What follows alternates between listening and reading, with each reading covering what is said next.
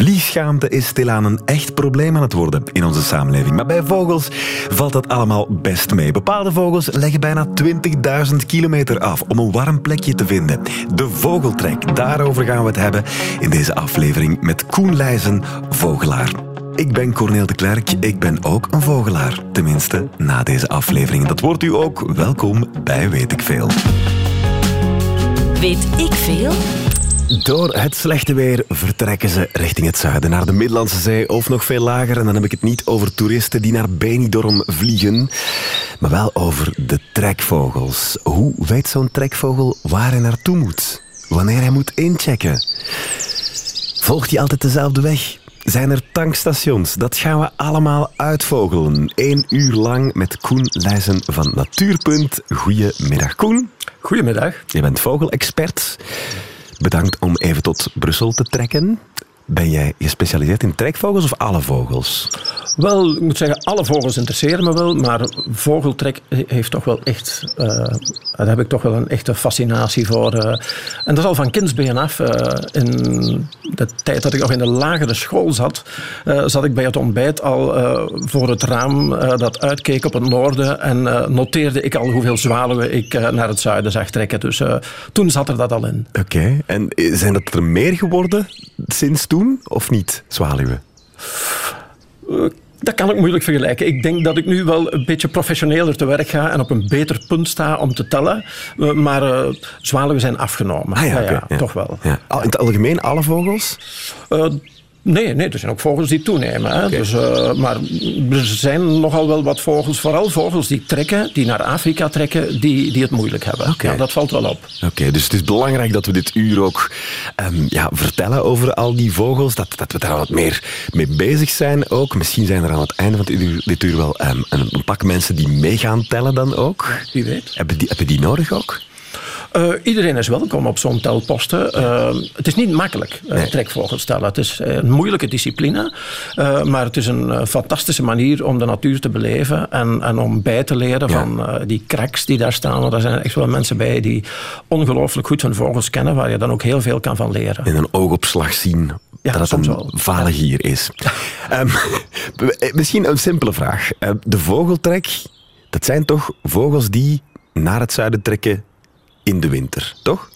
In het najaar om te overwinteren in het zuiden. En dat is altijd ja. zo, toch? Ja, maar, maar waar is hun winterkwartier? Dat hangt er een beetje vanaf welke soort en van waar ze komen. Een heel belangrijk overwinteringsgebied voor heel veel vogels is Afrika, ten, ten zuiden van de, de, Sahara. Dat is heel belangrijk, maar er zijn ook heel wat vogels die in het Middellandse Zeegebied gaan overwinteren. Mm -hmm. Maar evenzeer zijn er ook vogels die komen overwinteren bij ons. Ah, ja. Die dan van, van Oost-Europa of Noordoost-Europa komen bijvoorbeeld. Die bij ons komen overwinteren. Belgische winter is zacht genoeg voor die vogels? Ja, voor sommige soorten die het moeten hebben van open waterboot. Dat vriest niet snel dicht bij ons in de Ja. winter. Uh, vogels die zaden eten, hè, die vinden hier in de winter dikwijls ook nog eten genoeg. En hangt het dan van het weer af? Als, in, als het dan echt koud wordt in België in de winter, trekken dan die vogels die van het noorden komen nog dieper naar beneden? Wel, ja, het gebeurt wel in het nieuwe klimaat steeds minder, maar het gebeurt wel als we echt een, een, een serieuze winterinval hebben, dat we dan zien dat er toch nog een aantal vogels denken van oei, uh, ik kan beter toch nog een beetje uh, naar het zuidwesten Ja. vliegen, uh, want hier wordt het nu toch een beetje te erg. En die dan opschuiven. En het leuke is dan wel dat bij zo'n winterinval staat er vaak een krachtige noordoostenwind. Ja.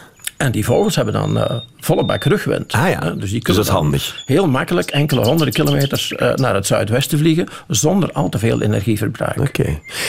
Hoe doen die dat eigenlijk, die vogels? Hoe weten zij in welke richting, waar ze moeten aankomen? Hoe zorgen ze ervoor dat ze niet in een of ander uh, ja, industrieel gebied terechtkomen?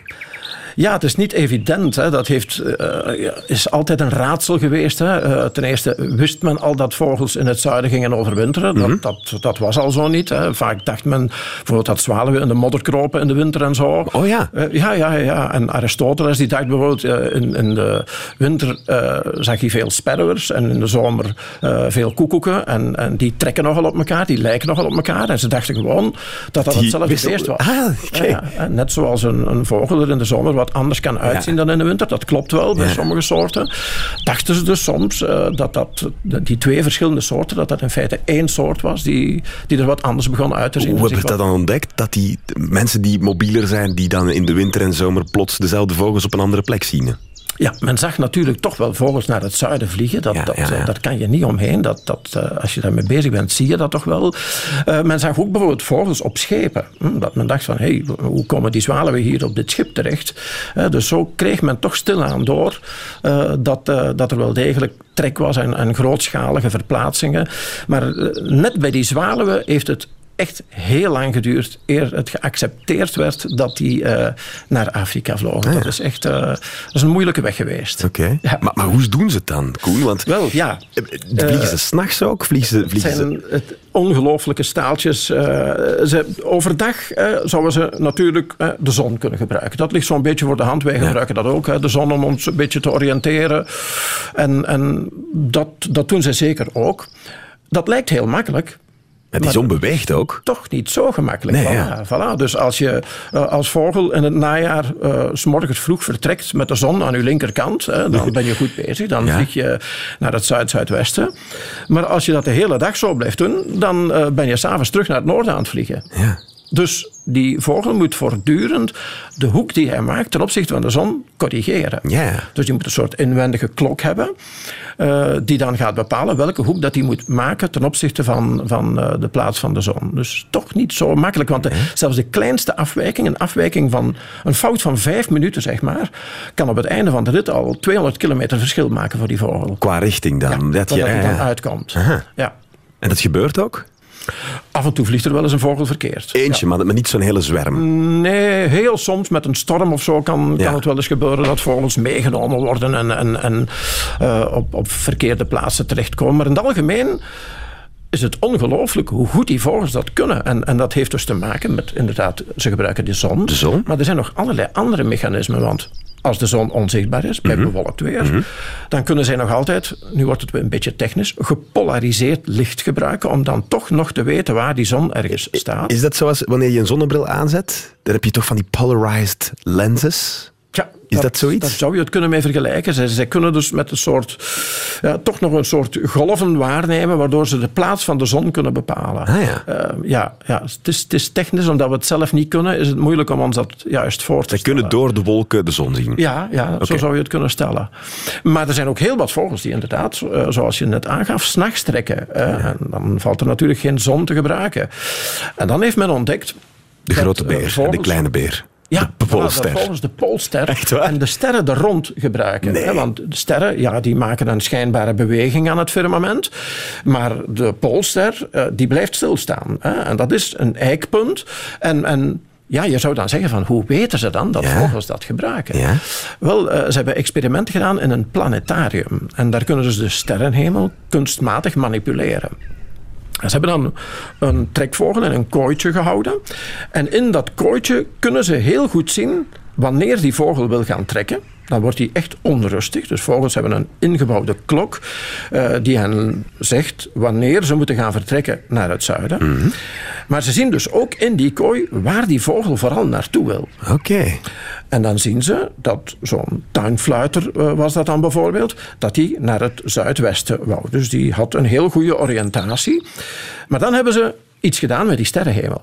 En dan hebben ze een andere ster als middelpunt genomen, Betelgeuze, uit het sterrenbeeld Orion. Ja. En daar hebben ze dan alle andere sterren laten ronddraaien. En prompt oriënteerde die tuinfluiter zich op Betelgeuze. En daarmee hebben ze dus kunnen aantonen dat ze wel degelijk die sterrenhemel gebruiken. Dat is, dus die, die, sterren zijn een soort van bijna, die vogels zijn bijna professionele astronomen. Die, die kennen de sterren en dat zit in hun hoofd. Dat is niet aangeleerd. Nee. Nee, nee, dat is echt aangeboren. Dat is waanzin, toch? Maar ook als het bewolkt weer is, s'nachts, kunnen vogels trekken.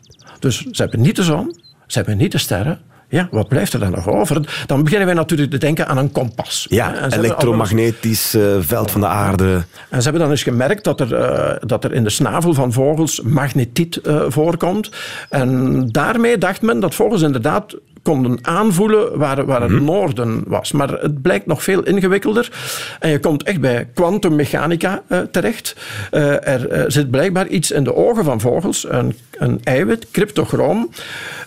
dat sorteert zich op basis van de en dat wordt echt moeilijk nu, de krachtlijnen van het magnetisch veld op aarde. Dus niet zomaar waar is het noorden, uh, maar wel de, de krachtlijnen van een magnetisch veld. Uh, dus je zou de aarde kunnen bekijken als een enorme staafmagneet met dan beide polen en daar rond een magnetisch veld. En afhankelijk van de plaats op aarde verschilt de invalshoek van die krachtlijnen van dat magnetisch veld. En blijkbaar zien vogels dat. Dat is waar. Zien letterlijk. Ja, je zou dat plastisch kunnen voorstellen alsof er een soort film over hun waarneming komt, wat ze normaal zien. Een soort laag, extra laag daarover komt, waardoor ze dat kunnen zien. Dat is waanzin. Dus de, vogels weten alles over sterren, over de zon. Het zijn een soort van Stephen Hawkings van de natuur. Ja. het is super indrukwekkend. ongelooflijk. Ja. dat vind ik al zeer straf. We gaan straks ook de simpele vragen proberen beantwoorden. Ja, um, en, en wat extra vogels leren kennen en zo. Koen Leijzen, ik heb hier zoveel zin in, zoveel trek in de vogeltrek. Radio 1. Met... Weet ik veel? Inderdaad, weet ik veel. Met Koen Leijzen, vogelkenner, bekend van Natuurpunt. Wat is eigenlijk uw favoriete trekvogel? Oh, het zijn er... De boerenzwaluw vind ik toch wel... Uh, spreekt me enorm aan. Ja? Uh, zoals ik al zei, van kindsbeen af. Maar ook de wespendief bijvoorbeeld. Een roofvogel die trekt. Prachtige vogel. Uh, roofvogels sowieso uh, uh, zijn, zijn fascinerend om, om, om te zien. Eet de wespendief voornamelijk wespen dan? Uh, dat is een heel belangrijke prooi. Ja, hij gaat dus echt wespennesten uitgraven en dan uh, gaat hij de wespen en uh, de wespenlarven eten. Ja, ja absoluut. Dat, dat, vinden wij niet zo erg, hè? Als, nee, als nee, mens. Nee, dat, voor sommige mensen zouden er wel wat meer wespen die mogen zijn. De brandweer van, van de natuurwereld. Ja, ja. ja um, ik heb hier een paar geluiden klaarstaan van een aantal vogels. Um, waar ik, waarvan ik dacht dat het misschien leuk zou zijn om er even over te praten Misschien kan u deze herkennen. Uh, deze bijvoorbeeld. Ja, ja, dat lukt me nog wel hoor. Dit lukt? Uh, ja, ja. Zeker. Is dit herkenbaar? Ja, ja, ja. Uh, iets wat je in de stad heel vaak hoort trouwens. Ja. Gierzwaluwen. Inderdaad, de gierzwaluw. Je had het net over de boerenzwaluw, dat is een andere Ja, zelfs geen familie. Ah, oké. Okay. Ja, de gierzwaluw behoort tot een heel andere groep vogels. Dat is wel verwarrend. Lijkt erop, vliegt op dezelfde manier bijna. En daarom zit ook het woord zwaluw in de naam. Maar het zijn geen neefjes. Oké, okay, maar dus deze kan je vaak in de stad zien. De gierzwaluw, wat is daar zo bijzonder aan? Want dat is ook echt een, een trekvogel die ver gaat, hè? Fenomenale trekvogel. Het is zelfs zo, men noemt die de drie maanden vogel. Uh, dus... Uh, Momenteel is de vogeltrek nauwelijks bezig. Mm -hmm. Maar de gierzwaluwen die zijn al grotendeels weg. 90% van de gierzwaluwen is al vertrokken. Want het idee van de trek is dat je in de winter ergens warm zit, maar het is, het is, ja. begot, het is begin augustus. Ja, die trekken die zijn hier van mei, juni, juli. En eind juli vertrekken die. En da, die hebben dat heel slim bekeken. Die moeten het hebben van insecten. En die trekken dan naar Afrika. En daar schuiven ze mee op met uh, een, een, zone met veel regen, wat ook heel veel insecten met zich meebrengt. Ja. Schuiven ze met die zone mee op naar het zuiden. Dus ze, ze liften eigenlijk daarmee. Een soort seizoensarbeiders. Uh, ja, zo zou je het bijna kunnen zien. Ja, maar, maar, ja. maar, die zijn maar drie maanden hier. Hè? Dat is, maar heeft dat met het weer te maken ook nu? Dat ze wat vroeger vertrekken bijvoorbeeld nu? Heeft weinig impact. Ja, heeft weinig impact. Het is zelfs zo, uh, veel mensen denken dat vogels vertrekken omdat het slecht weer is. Mm -hmm. uh, soms is het zelfs eerder omgekeerd. Uh, nu is er tegenwind, zuidwestenwind, vrij veel wind zelfs. Dat hebben vogels niet graag. Als je gaat fietsen, je gaat ook niet zo graag fietsen met de wind op kop. Hè. Je ja. gaat ook liever fietsen met de wind in de rug. Ja. En zo is het met die vogels ook. Die gaan eerder het moment afwachten dat de wind heel gunstig is voor hen, om daar dan uh, volop te kunnen van profiteren. Oké, okay, dus de wind is belangrijk, maar niet per se hoeveel het regent of hoe warm het is. Nee. Oké. Okay. Ik heb een andere vogel klaarstaan. Uh, dat is dan deze. Oh nee, dat is dezelfde. deze. Ah ja, ja, ja. ja. Klinkt als een, uh, twee kaartjes die tussen een achterwiel zitten. Ja, ja, inderdaad. Het geklepper van de ooievaar is dit. De, ah ja. ja. Oké, okay, ik zie hem nu ergens zo bovenaan op zo'n nest zitten. Ja. Dat is ook een trekvogel. dat weten we. Die moet baby's leveren natuurlijk. Maar verder trekt hij ook ergens naartoe. Waar gaat hij naartoe? Wel, ehm, die eh, gaan overwinteren normaal in tropisch Afrika. normaal over de Sahara. Maar we zien de laatste jaren steeds meer ooievaars overwinteren in noordelijk Afrika. En ook op het Iberisch Schiereiland. Dus daar kan misschien klimaatverandering al een ah, beetje een rol in spelen. Um, dus dat ze, dat ze wat minder ver wegtrekken. Profiteren ook van stortplaatsen waar ze uh, voedsel gaan zoeken. Dus dat kan wel een, uh, op, op termijn een impact hebben op het gedrag van vogels. Stortplaatsen? Ja, ja, ja. Wat zijn dat? Ja, een stort. ah ja. Ja, echt okay. een stort. Ook voedselzoeker. Profiteren ook van de Amerikaanse rivierkreeftjes die in de, in de rijstvelden eh, zitten in Zuid-Europa. Dat is voor hen ook een heel interessante prooi. En dat zorgt ervoor dat ze uh, niet noodzakelijk nog zo ver moeten trekken. Vogels trekken enkel omdat het moet. Ze doen dat niet echt voor hun plezier. Ze trekken omdat het moet. En als ze het uh, dichter bij huis ook nog kunnen uh, rooien, dan, ja, dan gaat ah, ja, Dus, dus echt, echt zoals de Belg die met zijn caravan naar het zuiden gaat en die onderweg een leuke camping tegenkomt en denkt van, oh, moeten we nu echt nog verder rijden? Het is hier ook tof, het is hier lekker, het is goede wijn. En als dat een verkeerde keuze was, dan wordt dat genadeloos afgestraft en dan gaat die vogel het niet redden. En uh, ja, dan gaat hij dat ook niet kunnen doorgeven. Maar dus vogels zijn voor een stukje wel lui, als in ze hoeven niet per se altijd super ver te gaan. Als ze een leuke plek vinden onderweg, dan stoppen ze wel. Bah, nee, het is, het is zo. Ze zijn normaal wel echt geprogrammeerd uh, en ze weten waar ze naartoe moeten. En altijd dezelfde maar er zijn er altijd wel enkele die ja, dan... De avonturiers. Ja, die dan zeggen van ik ga het hier toch, ik, ik blijf hier. Uh, niet echt, ik blijf in België als ze naar, uh, naar Afrika moeten, maar die onderweg misschien wel eens kunnen proberen te blijven hangen. en als dat dan meevalt, dan kan dat aantal toenemen. Zo heeft men iets heel vreemd, een zwartkopje, een heel klein vogeltje, een zangvogeltje. Die trekken normaal naar Afrika. en nu waren er op een gegeven moment in Zuid-Engeland in de jaren 70 zwartkoppen die daar overwinterden. En men dacht dat dat Engelse zwartkoppen waren, maar nu bleek dat dat de zwartkoppen waren van Midden-Europa, die totaal verkeerd vlogen en die daar in Zuid-Engeland gingen overwinteren. Die dus die dus, niet naar het zuiden gaan, maar naar het westen? Die waren verkeerd geprogrammeerd. Dus er zit een programma voorgebakken waar ze naartoe moeten en dat zat verkeerd bij hen. En dat is begonnen met enkele, maar dat werd niet afgestraft. Omdat het in Zuid-Engeland zacht is, konden ze daar overwinteren en gaat het ondertussen over tienduizenden zwartkoppen die dat al doen. En het straffe is, die Engelse zwartkoppen, die weten dat niet. en die trekken nog altijd heel braaf naar Afrika. ja, heel gek. En kan niemand in dat zeggen? Van, blijf eens gewoon hier. Op termijn zal dat, wel, zal dat ook wel schuiven. Want kan, dat, kan een trekvogel ook, in dat geval, wanneer het zacht genoeg is in zijn eigen buurt, gewoon plots een, een vogel, hoe zeg je dat? Zo, een, vogel die niet, een vogel, met vliegschaamte, eentje die altijd op locatie blijft, hoe noem je dat? Ja, ik, ik, ik zie dat toch niet gebeuren hoor. Bijvoorbeeld zwaluwen, die kunnen hier gewoon niet blijven in de winter, omdat er te weinig insecten vliegen. Hè. Maar stel dat het zou kunnen. Stel, stel er, is, er is een plek waar het jaar rond toch Stel nu, van die zwaluwen komen ergens terecht op een plek waar het gewoon in de winter, de winter en zomer altijd goed vertoeven is laat ons uh, de Benidorm zwaluwen noemen. En die beslissen, we gaan niet meer terug voor de kinderen. We gaan niet meer terug om te broeden.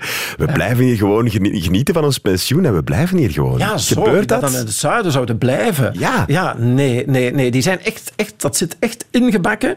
Ik moet hier weg. Plus, ze kunnen dikwijls ook, hè, ja, want je zou zeggen, ze kunnen daar toch makkelijk overwinteren. Waarom broeden ze daar inderdaad niet? Ze kunnen gewoon niet opconcurreren tegen de vogels die daar normaal broeden.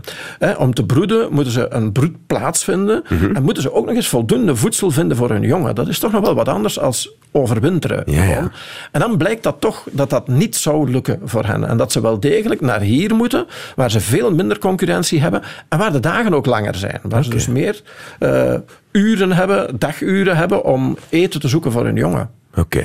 Dit is blijkbaar een van de kampioenen van de vogeltrek. Ja, dit is niet één kampioen, dit is een hele... Een hele kolonie. ja, ja, ja, ja, dat is de Noordse sterren. De Noordse stern. Ja, dat is een familie van het visdiefje. Het lijkt een beetje op een meeuw, maar het is veel slanker. En dat is echt de kampioen. Die leggen fenomenale afstanden af. Eh. Dan hebben we het over?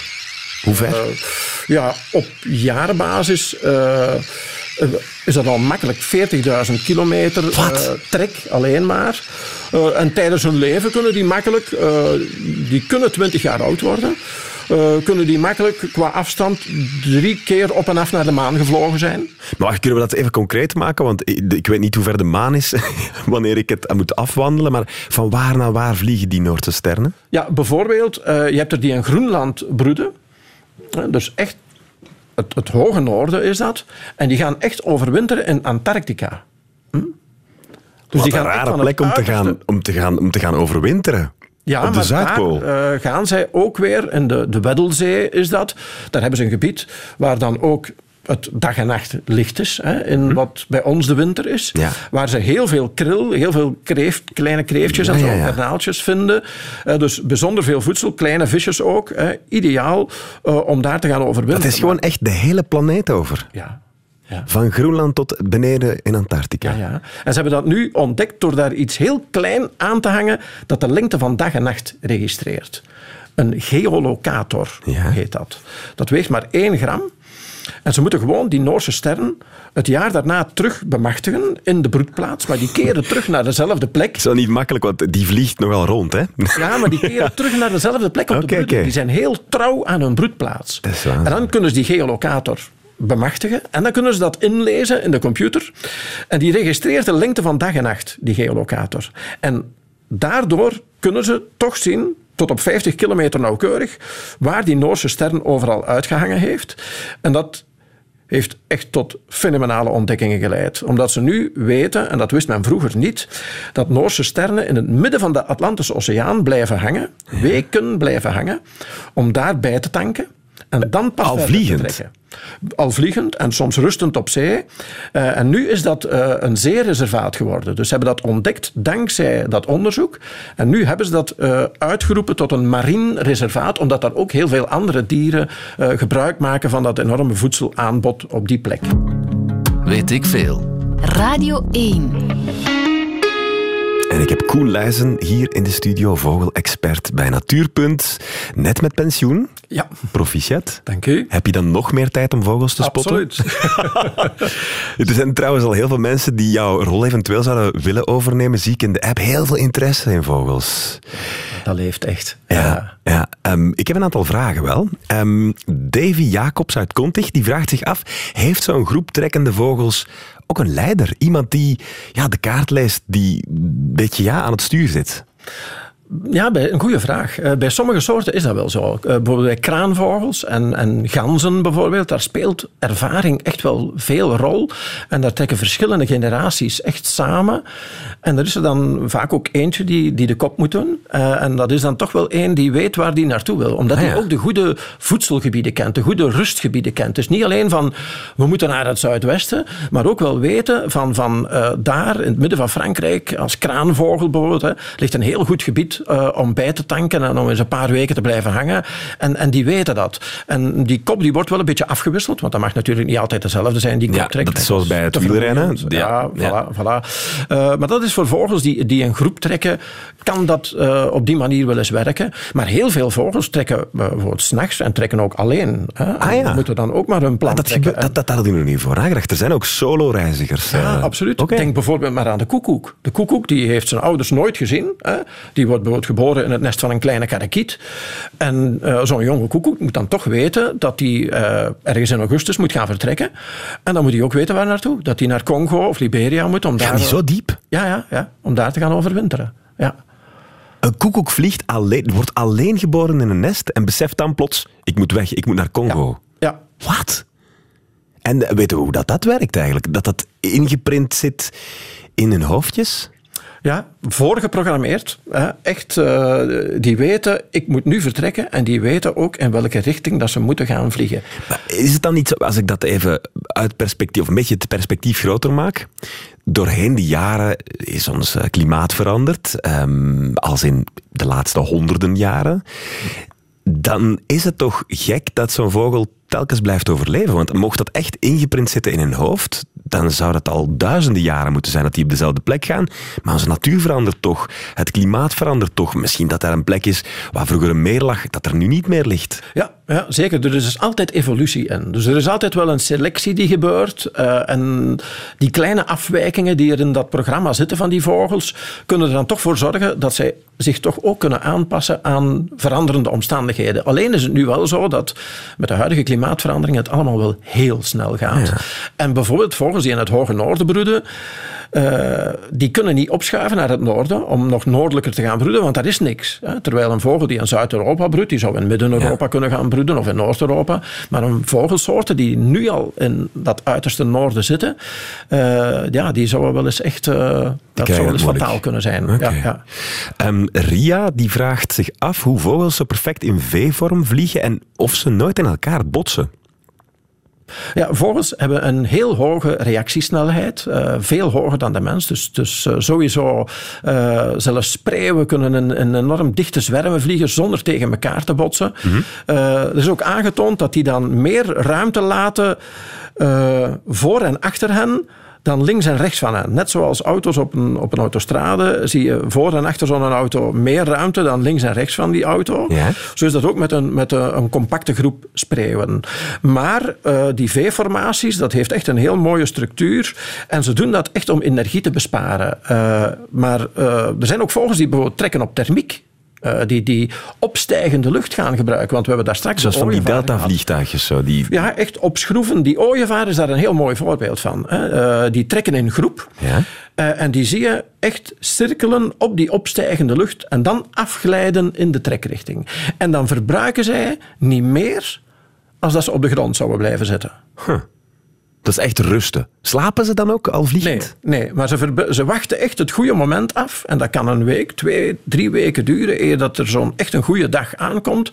En dan maken ze daar massaal gebruik van om zonder energieverbruik honderden kilometers uh, te gaan trekken. Zijn er bepaalde vogels die wel kunnen slapen al vliegend? De gierzwaluw. De gierzwaluw ah, ja. die uh, kunnen tien maanden aan een stuk blijven vliegen die, die vliegen maanden? op een gegeven moment als jonge vogel uit het nest. Dan vliegen die naar Afrika. Uh, maar die blijven dag en nacht rondvliegen. En die slapen ook al vliegend. Ja, dus die gaan op wat grotere hoogte een beetje tegen de wind inhangen. En dan is het ene oog dicht en dan het andere oog dicht. Zowat. En ook ze werken met gescheiden hersenhelften. Ze noemen dat unihemisfere slaap. Hè. Dus er is altijd een, een helft van de hersenen die dan even slaapt en een andere helft niet.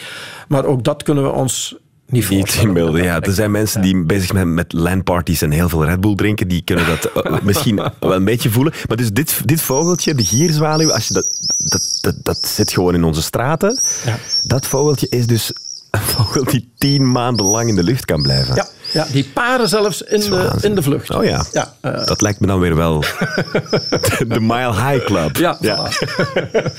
um, er uh, zijn nogal wat vragen die binnenkomen. Onder andere Sebastian Koppes die, die vraagt zich af... Um, um, volgen die meewachtige trekvogels, wanneer die lang op de oceaan zitten, volgen die ook scholen vissen bijvoorbeeld? Of hoe, hoe, hoe doen zij het om aan eten te komen?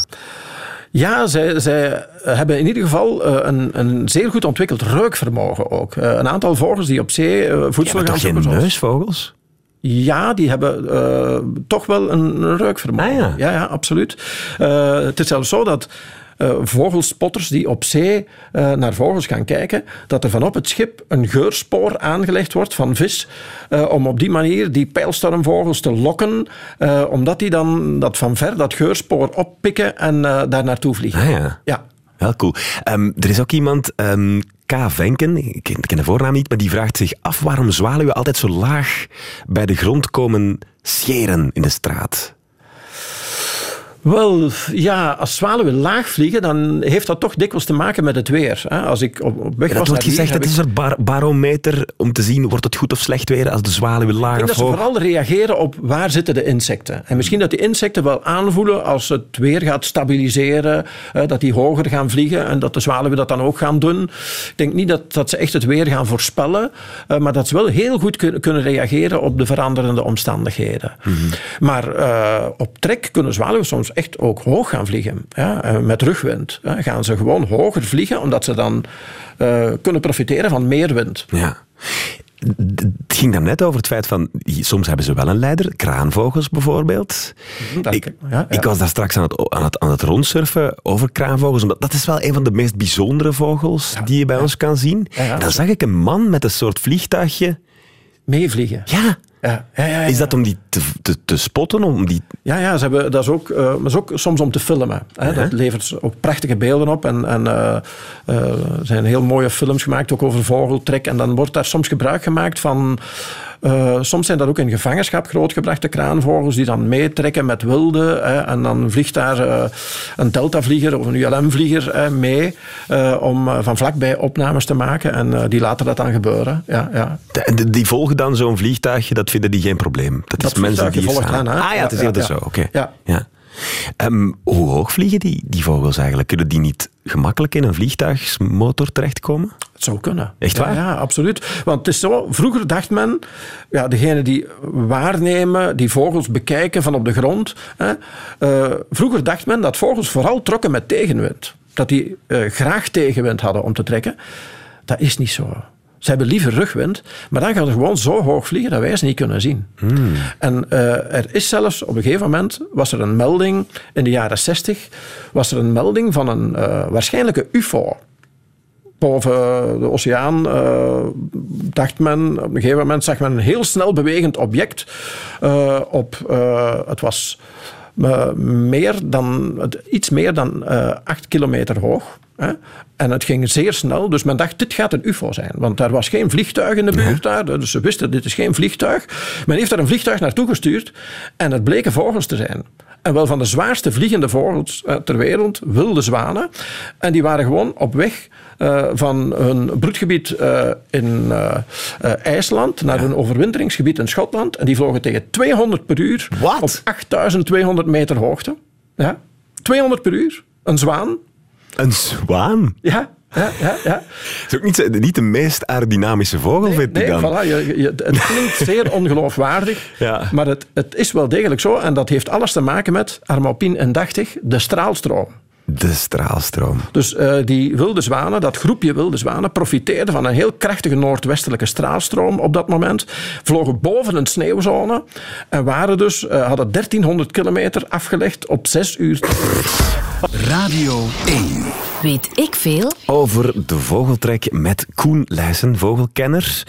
Um, daar straks, vlak voor we met deze uitzending begonnen, um, zat dit in het nieuws. Er zijn al meldingen geweest van wasberen die nesten van zwarte ooievaars roven in de Ardennen. Heel veel nestkassen die opgehangen zijn voor bolzuilen, die zijn al ingenomen door wasberen. Dus op dat vlak kunnen ze toch wel schade toebrengen. Ja, de wasberen, er zijn er meer en meer in ons land. Ja, absoluut. En dat is niet goed voor de vogels. Nee, nee, nee. Uh, het voorbeeld uh, dat aangehaald wordt is, is terecht. Uh, men heeft zelfs al eens gehad in Duitsland dat er een koppeltje zwarte ooievaars gewoon in een dorp was gaan broeden. Normaal broeden die midden in een woud hè, mm -hmm. om de wasbeer te ontvluchten. Dus dat is echt wel voor een aantal vogels, ook trekvogels, kan dat een bedreiging zijn ja. dat, dat nesten geroofd worden. En zo maken trekvogels van alles mee. Hè. Ze kunnen hier, in een broedgebied kan er iets met hen gebeuren, ja. maar evenzeer onderweg of in een overwinteringsgebied. Ja. Wat zijn de grootste gevaren voor trekvogels? Wel, uh, jammer genoeg, de mens uh, is toch wel echt een gevaar. In, in zuidelijk Europa is er heel veel illegale vervolging en stroperijen ja, op, op, vogels. Daar kreeg ik een bericht over. Uh, iemand stuurde mij, je moet eens vragen naar Malta. Ja. Ja. Dat, is, dat is echt een, een helse plek voor trekvogels. Malta is verschrikkelijk. Daar is, uh, daar is geen enkele vogel zijn leven veilig. Hoe komt dat? Uh, ja, ja, er worden enorm veel vogels gevangen, geschoten. Noem maar op. Ik had gehoopt dat uh, de Europese eenmaking en dergelijke er zou voor zorgen dat daar paal en perk aangesteld ging worden. maar jammer genoeg is daar nog heel veel werk aan de Oké, okay, die worden geschoten om, om op te eten of, of om soms, te zetten? soms worden de vogels gevangen om op te eten. Er is ook een, een, een, ook in Cyprus en zo echt een een, handel in zangvogeltjes om op te eten. Maar evenzeer gewoon voor de fun, voor de lol. Uh, ja, ja, dus echt uh, wraakroepend. Vogels waar hier enorm veel energie en geld ook in gestoken wordt om, om ze te redden en uh, om, om gebieden in orde te brengen voor hen en, en om, om, zoveel mogelijk te zorgen dat ze hier kunnen overleven. Ja. die gaan dan ginder gewoon afgeknald worden. Ja, dat is echt wraakroepend. Heeft u wel eens een vogel gegeten? kip. Een kip. Fazant? Nee. Patrijs? Nee, nee, nee. Je mag doorvragen. Kwartel? Uh, nee, nee. kan ik zonder blikken of blozen Ja, zeggen. maar kip wel. Kip moet ik zeggen wel. En dat ja. doet u nog altijd. Dit beschouwt u niet als een interessante vogel. Ik eet minder vlees dan vroeger, maar Ja. eh, ik eet nog wel af en toe vlees. Dat Ja. wel, ja, ja. Ehm, is het weer ook een, een gevaar voor Absoluut, een vogel die trekt? hè. Ze kunnen in een hagelstorm terechtkomen, maar ook klimaatverandering. Hè. Je ziet bijvoorbeeld eh, dat eh, de woestijn eh, veel breder geworden is dan vroeger. De Sahara is veel breder geworden. Dat heeft te maken met het feit dat er ook veel struiken gekapt worden en zo, als, als stookhout gewoon, als brandhout. Maar evenzeer ook met, met klimaatverandering. Er zijn ook meer zandstormen in de Sahara dan vroeger. En men heeft ontdekt dat bijvoorbeeld zwaluwen die op weg zijn naar het noorden, als die zo'n zandstorm tegenkomen, dat die dan terugdraaien eh, en dat die dan eh, een heel eind, honderden kilometer soms, eh, terug naar het zuiden gaan vliegen en dan soms weken moeten wachten eer ze terug krachtig genoeg zijn Ja, om te vertrekken. Want ze moeten wel een reserve Ze opbouwen. moeten wel een beetje reserve Ja. hebben. Ja. Zwaluwen kunnen onderweg wel eten vinden, maar bij sommige soorten is dat echt spectaculair. Er zijn soorten bij die gewoon dubbel zoveel wegen. Ja, die, dat is echt... ja, die BMI-index is wel heel Dat klinkt slecht. ook niet zo sportief, toch? Ja. Dubbel zoveel wegen voor je Ja, vertrekt. die maken echt plaats voor vet in hun lichaam. Dus hun darmen worden korter en noem maar op. Ah, ja. Allemaal om zoveel mogelijk vet op te slaan als brandstof. En dat zijn dan soorten zoals de kanoet, een strandloper, hè, eh, die eh, fenomenale afstanden kunnen afleggen in één keer. De rosse gruto bijvoorbeeld. eh, De rosse gruto. ja, ja, ook zo'n vogel met een lange snavel, een waadvogel, vloog zomaar even een gezenderde rosse gruto. Meer dan 13.000 kilometer aan één stuk. Hè. Dus die, Dat is, dat is de hele aarde over ongeveer, toch? 11, 11 à 12 dagen aan een stuk aan het vliegen. Eh, dus dan moet je heel veel brandstof hebben om dat te kunnen doen. En dan heb je nog zo'n zender, zo'n rugzak mee. Ja, maar daar is wel een limiet op hoeveel dat mag wegen. Ja, ja, Men houdt wel rekening met hoeveel weegt die vogel, hoeveel mag zo'n zendertje wegen. Dat mag ik. maximaal 5% van het lichaamsgewicht zijn. Ja. Eh, ja, ja, Dat ze er geen kilo bij Ja, hebben. voilà, voilà, voilà. Ehm, hoe gaat het eigenlijk goed met de trekvogel? Is dat makkelijk te zeggen? Want jullie tellen die toch elk jaar ook, hè? ja, maar die tellingen zijn toch... eh, Niet betrouwbaar? Wetenschappelijke karakter daarvan mogen we toch niet overdrijven. Ah, waarom doen jullie dat dan? Wij staan te tellen, maar eh, ja, soms eh, is er rugwind en dan vliegt er enorm veel over dat we gewoon niet kunnen zien. Of er zijn vogels die s'nachts trekken die we niet kunnen zien. Dus waarom doen we het dan? Gewoon omdat dat, zijn de is. Olympische Spelen waar je naar gaat kijken. Olympische Spelen trekken ook heel veel volk, daar kijken ook heel veel mensen naar. Vogels op trek, als je dat mag meemaken, dat, dat, is- dat is fenomenaal. Luister, je bent nu een aantal mensen... Ik, ik, want ik, er zijn heel wat mensen ook die sturen via de app wiens partner heel veel gaat tellen. Ja, ja, ja. En die vinden dat altijd heel belangrijk. En die zien daar een soort van ja, belang in als in ik moet gaan tellen, want we moeten die tellingen die moeten toch kloppen. Maar wat, wat je zegt is eigenlijk, eigenlijk, eigenlijk kan het ons weinig schelen, want die, die tellingen zijn sowieso onbetrouwbaar. Het is wel zo dat ik, ik zelf ooit al wel gehad heb, ook als ik ging tellen, dat ik een gevoel had van dat ik er gewoon moest staan voor die vogels. Ja? Dat, die je anders, nodig. dat het anders niet zou lukken voor hen. Mentale steun. ja, ja, voilà. Want, jullie, jullie tellen dan die vogels. Hoe, hoe is die community van, van vogelaars? Wel ja, trektellen noemen we dat. En dan ga je een, een, een interessant uitkijkpunt uitkiezen waar, waar eh, wat te beleven valt, waar je veel zicht hebt en waar ook wel wat vogels ter plaatse blijven rondhangen. Mijn telpost is Averbode, Bos en Heide eh, bijvoorbeeld. En ik probeer ook die trektellingen in Vlaanderen een beetje te coördineren. Hè. En eh, heb- ik heb ook een WhatsApp-groep opgericht van die trektellers in Vlaanderen, van die echte diehards Ah, ja. zitten daar dan in. En dan houden we elkaar op de hoogte van als er dan bijvoorbeeld roofvogeltrek is, als er buizers beginnen op te schroeven, hè, dan eh, horen we dat direct van elkaar en dan weten we van, oh, we moeten nog Ja. wat blijven staan, want er is iets aan het gebeuren. Of we moeten zien dat we zo snel mogelijk op onze telpost zijn, want eh, anders missen we net het mooiste van het hele najaar. Want de website, ehm, heb ik me net in de app laten vertellen, is eh, waarnemingen.be. Waarnemingen.be, daar staan al onze waarnemingen in. Maar als je specifiek de trek wil gaan opvolgen, dan kan je best gaan kijken op www.trektellen.org. Oké, want ik zit op waarnemingen.be en ik zie ehm, dat er blijkbaar ergens een zeearend zit. Ja. Ja, In, heeft zelfs, u weet dat al? heeft zelfs gebroed. eh, in Ja. Vlaanderen heeft er, Ah ja, voilà, ja, dat, dat weet u nu al gewoon. ja, ja, ja, Zit je elke dag op waarnemingen.be? Gaat er geregeld naar kijken, ja. ja, ja, ja. Maar dus die zitten ergens in, in eh, de IJzervallei aan... aan, heeft hij daar- dat is heel uitzonderlijk dan? Ja, toch wel. Het is toch een soort die, die het goed doet wel. Er zijn wel een aantal grote vogels in opmars. De oehoe, de zeearend, de raaf en zo zijn soorten die, die toch wel toenemen. En die, die wat nieuwe gebieden beginnen in te palmen. Ook door een, door een goede bescherming. En eh, ja, toch wel spectaculair dat we kunnen zeggen dat dat nu ook in Vlaanderen broedt. Ja, Die, ja. die, zijn niet van bij ons, hè? Die... Eh, e- eerder van, van wat noordelijker Ja. in Europa en wat oostelijker. Maar ik moet wel zeggen, de term zee is een beetje misleidend. Ah, ja. Zee in het Duits is een meer. hè. Oh. Eh, dus het is eh, ook een, is een meer, een grotere waterpartij waar voldoende vis- en watervogels, want dat pakken ze allebei, zitten. zoals de blankaart, dat is ideaal voor hen. Oké. Ehm, stel nu dat er mensen luisteren die denken, ik hou ook van vogels. Ik wil ook mij daar meer op toeleggen. Wat heeft hij dan nodig? Qua apps, qua ja, YouTube-accounts, websites? Oh, er is heel veel. Inderdaad, waarnemingen.be.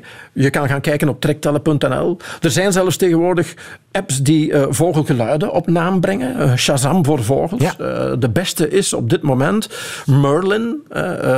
Oké, van Amerikaanse origine. Merlin, Merlijn hè, in, in het Engels, Merlin.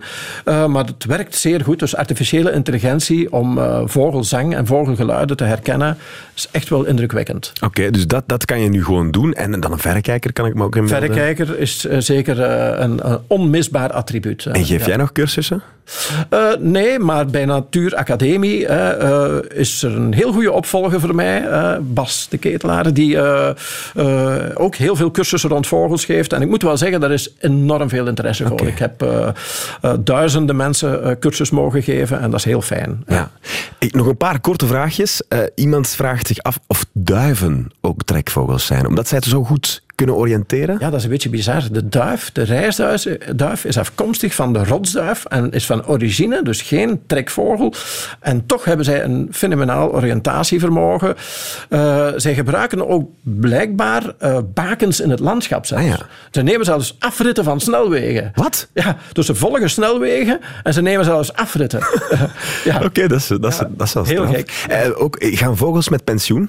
Op een bepaald moment beseffen zij van, "Pff, deze keer is het niet meer van mij. Ik ga niet meer mee. Dan is het einde verhaal, eh, denk ik. Maar dat kan ook onderweg gebeuren of op locatie. Ja, ja, ja, ja. dan eh, zijn ze uitgeleefd. Hè, maar eh, een vogel blijft die prestaties leveren. Ja, die, die, het is bijvoorbeeld ook zo dat de spiermassa van vogels voor de trek gaat verdubbelen. Ja. Als sporters dat zouden vinden, hoe dat ze dat moesten doen zonder training. EPO heet dat. Ehm Koen Leijzen, ik vond het waanzinnig interessant. Ik heb het gevoel zelf ook een beetje een vogelaar geworden te zijn. Weet ik veel. Zo, nu moet ik er net als al die vogels ook vandoor. Dit was deze aflevering van Weet ik veel met Koen Leijzen over de vogeltrek. Meer van deze geweldige podcast vindt u via VRT Max.